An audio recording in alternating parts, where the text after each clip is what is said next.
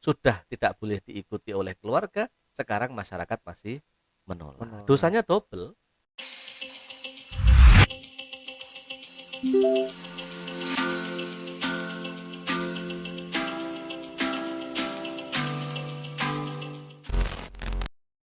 Assalamualaikum warahmatullahi wabarakatuh. Waalaikumsalam warahmatullahi wabarakatuh. Bismillahirrahmanirrahim. Selamat datang para pendengar. Bertemu lagi bersama saya Zaidul Kirom dan ustadznya para milenial, Ustadz Rizza Hamami. Ya Ustadz? Ya. Eh, kali ini kita masih berada di podcast kajian Ramadan di channel Suara Dakwah Net yang akan memberikan kajian dakwah dan nasihat-nasihat agama untuk para teman-teman pendengar dalam ngopi ngobrol pilihan Islami.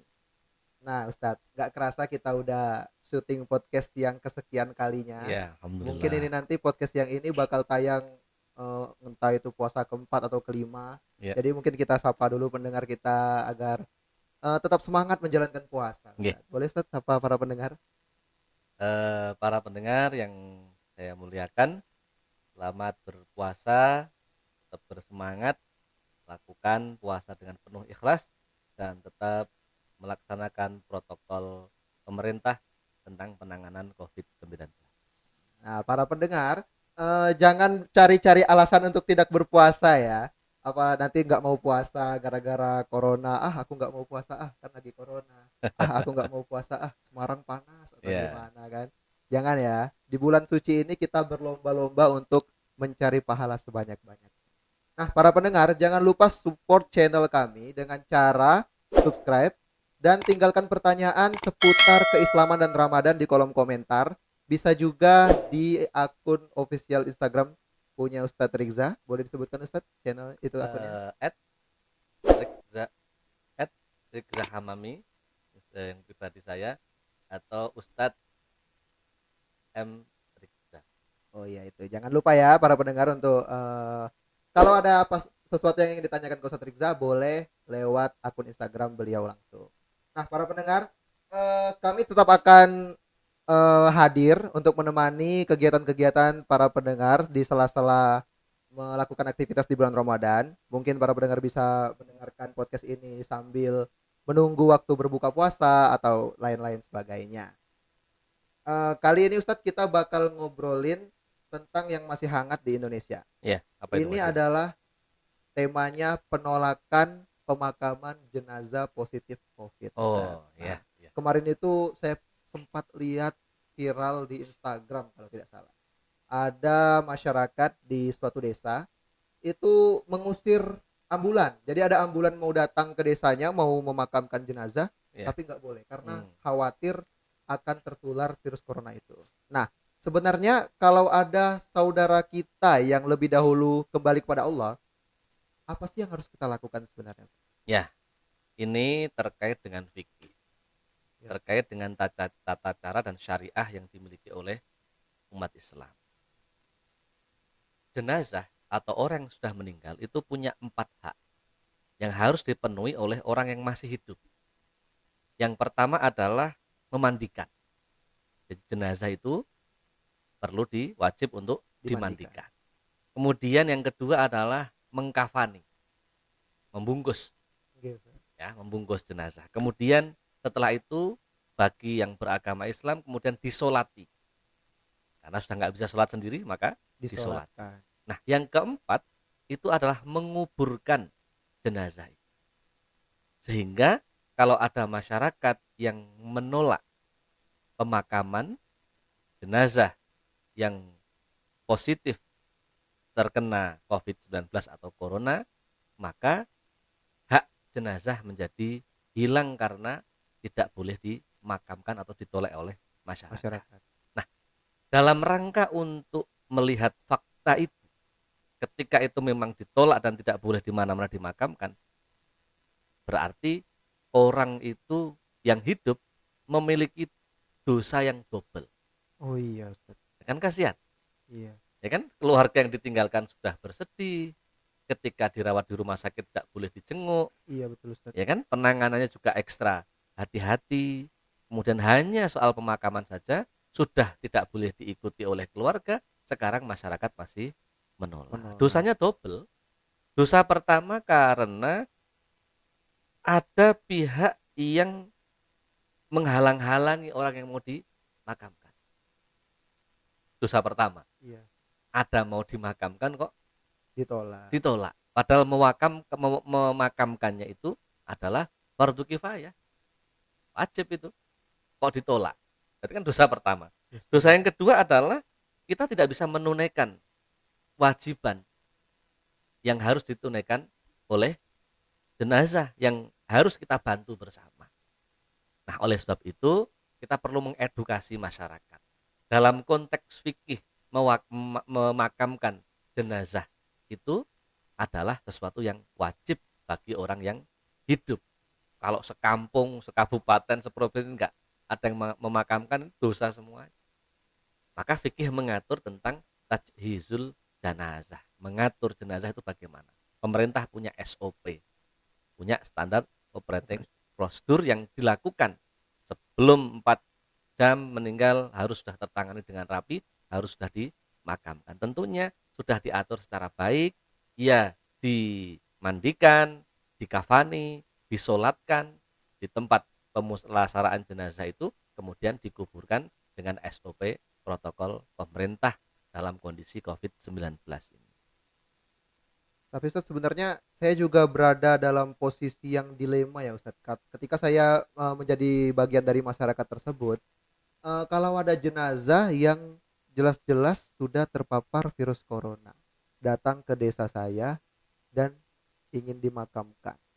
Sebenarnya apakah bisa penularan itu terjadi mungkin lewat tanah atau mungkin ketika dibawa oleh ambulan bisa virusnya menyebar dan seharusnya kita karena sudah ada SOP itu apa kita di rumah saja sudah udah biarin aja itu yang ngurusin kita tinggal ya udahlah biarin aja yang penting nggak nolak atau gimana Ustaz? Ya, ini kan eh, suasana seperti ini belum pernah kita rasakan sebelumnya.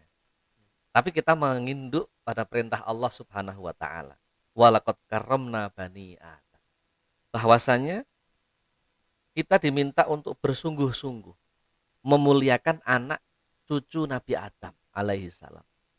Memuliakannya ketika hidup sampai meninggal meninggal dunia.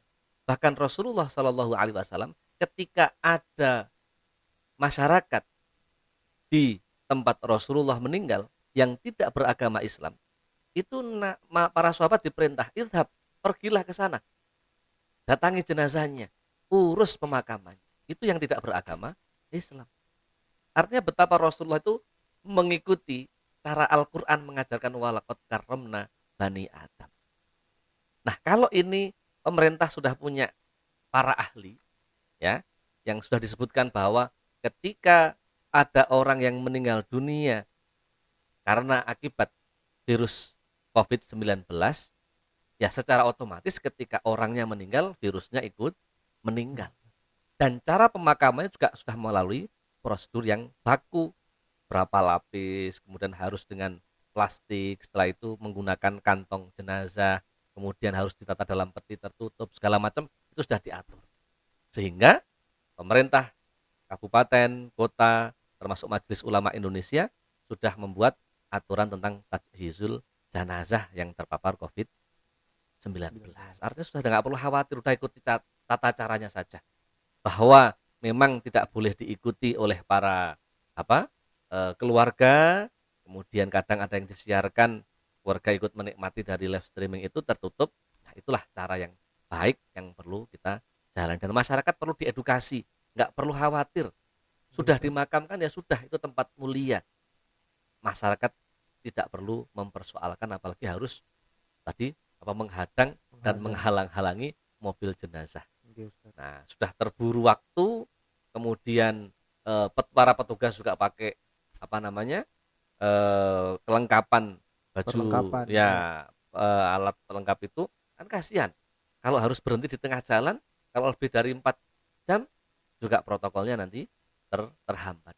Nah, saya kira nih masyarakat harus diedukasi, fikihnya harus dimasukkan, ajaran Islamnya harus dimasukkan, kemudian aturan pemerintah, aturan Majelis Ulama Indonesia, termasuk Kementerian Agama juga harus diperhatikan bersama. Sehingga di sinilah pentingnya, ya, para RT, para RW, kepala desa, kepala kelurahan bekerja sama dengan TNI Polri dan pemerintah setempat untuk berkoordinasi bagaimana kita mencoba untuk menghormati ya hari terakhir. Maka di dalam Islam kita dikenalkan dengan yang namanya takziah.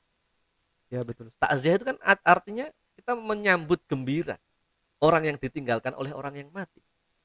Orang yang wafat itu dalam posisi senang karena kontraknya sudah habis. Mereka hadir ke hadirat Allah. Okay, okay, Tapi yang ditinggal itu sedih. Ini berbalik. Ketika orang lahir, ketika ada orang lahir, yang nangis yang lahir. Iya betul sekali. Kalau nggak nangis disuruh nangis itu. Iya. Tapi yang melihat bayi lahir tertawa bahagia. bahagia. Tapi ketika orang meninggal dunia, yang meninggal bahagia, tapi kita tidak mendengar kebahagiaannya, tidak bisa melihat wajah kebahagiaan, yang ditinggal ber, bersedih. bersedih. Ini ada orang yang sedang ditinggalkan oleh orang yang bahagia, tambah disusahkan lagi ditolak jenazahnya. Nauzubillahi min. Maka inilah kita perlu mengedukasi bersama. Tolong fikihnya dipegang yang baik. Al-Qur'annya dicekeli kenceng. Jangan kemudian menggunakan akal yang tidak sehat, ya, provokasi-provokasi masuk. Ini ya membuatkan bahwa manusia masih tergoda dengan setan. Ya, tidak memperhatikan ada orang sedih sudah nggak boleh dilayat, sudah nggak boleh ditungguin di rumah sakit, ini tinggal dimakamkan kok masih di sholat. Subhanallah, subhanallah sekali penjelasan dari Ustadz Rikza. Terima kasih banyak Ustadz. Mungkin sangat mencerahkan bagi para masyarakat dan para pendengar yang uh, mungkin kurang tahu atas ketidaktahuan sehingga uh, menolak pemakaman jenazah positif COVID. Yeah. Nah, sekarang mau uh, bisa tolong Ustadz sampaikan pesan untuk masyarakat uh, tentunya untuk menjaga kesehatan karena kita bukan hanya takut tapi kita juga sedih melihat saudara-saudara kita tumbang karena Covid ya Ustaz. Karena yeah. kita sangat menginginkan agar Covid segera pergi dari Indonesia agar tidak ada lagi saudara kita yang meninggal karena Covid. Betul yeah. Ustaz? Ya, yang paling penting adalah kita tetap berpuasa. Sumu tasihu. Berpuasalah Anda semuanya, niscaya engkau sehat. menjadi sehat. Nah, sehatnya bagaimana? Protokolnya dijaga dengan baik. Social distancingnya tetap, kemudian pergi-pergi menggunakan masker bagi yang sakit menahan dirinya dan periksa ke dokter. Kemudian soal penanganan jenazah kita ikuti perintah Rasulullah Shallallahu Alaihi Wasallam. Apa? Ketika Rasulullah e, ingin orang akan dimakamkan pesan beliau tiga. Ihfiru wa ausiu wa ahsinu. Ketika orang hendak kau makamkan galilah liang kubungnya liang kuburnya dengan baik. Hadapkan kiblat. Kemudian kalau dalam kitab kasih Fatu Syaja Nawawi mengatakan ditambahkan kain yang rapi biar tidak terbuka auratnya. Kemudian Rasul memerintahkan di situ luaskan kuburannya. Jangan sampai setelah Jawanya netel itu kemudian baguskan kubur yang bagus. Maka jangan sampai ditolak. Nah, saya kira itu pokok-pokok poin tentang eh, pembahasan podcast kali ini. Oke Ustaz, terima kasih banyak Ustaz. Nah, buat para pendengar, uh, jangan lupa untuk berpuasa karena puasa itu membawa pada kesehatan. Jangan sekali-sekali teman-teman mencari alasan untuk tidak berpuasa karena corona. Tapi teman-teman tetap keluar, tetap nongkrong, tetap ngopi bareng teman-temannya. Nah, hal-hal seperti itulah yang malah membawa teman-teman kepada penyebaran virus corona. Mungkin uh, sampai di sini dulu podcast kita pada kali ini. Uh, kita akan bertemu lagi di podcast-podcast selanjutnya. Uh, kepada teman-teman kami sampaikan lagi, tolong support channel ini dengan cara subscribe dan berikan pertanyaan di kolom komentar channel YouTube Suara Dakwah Net, pertanyaan seputar keislaman dan Ramadan atau bisa juga melalui akun dakwah official Instagram Ustadz Rizza Hamami di Ustadz Ustadz Rizza Hamami. Nah, alhamdulillah cukup sekian podcast kita hari ini. Jangan berhenti berbuat baik. Sekian wassalamualaikum warahmatullahi wabarakatuh. Waalaikumsalam warahmatullahi wabarakatuh.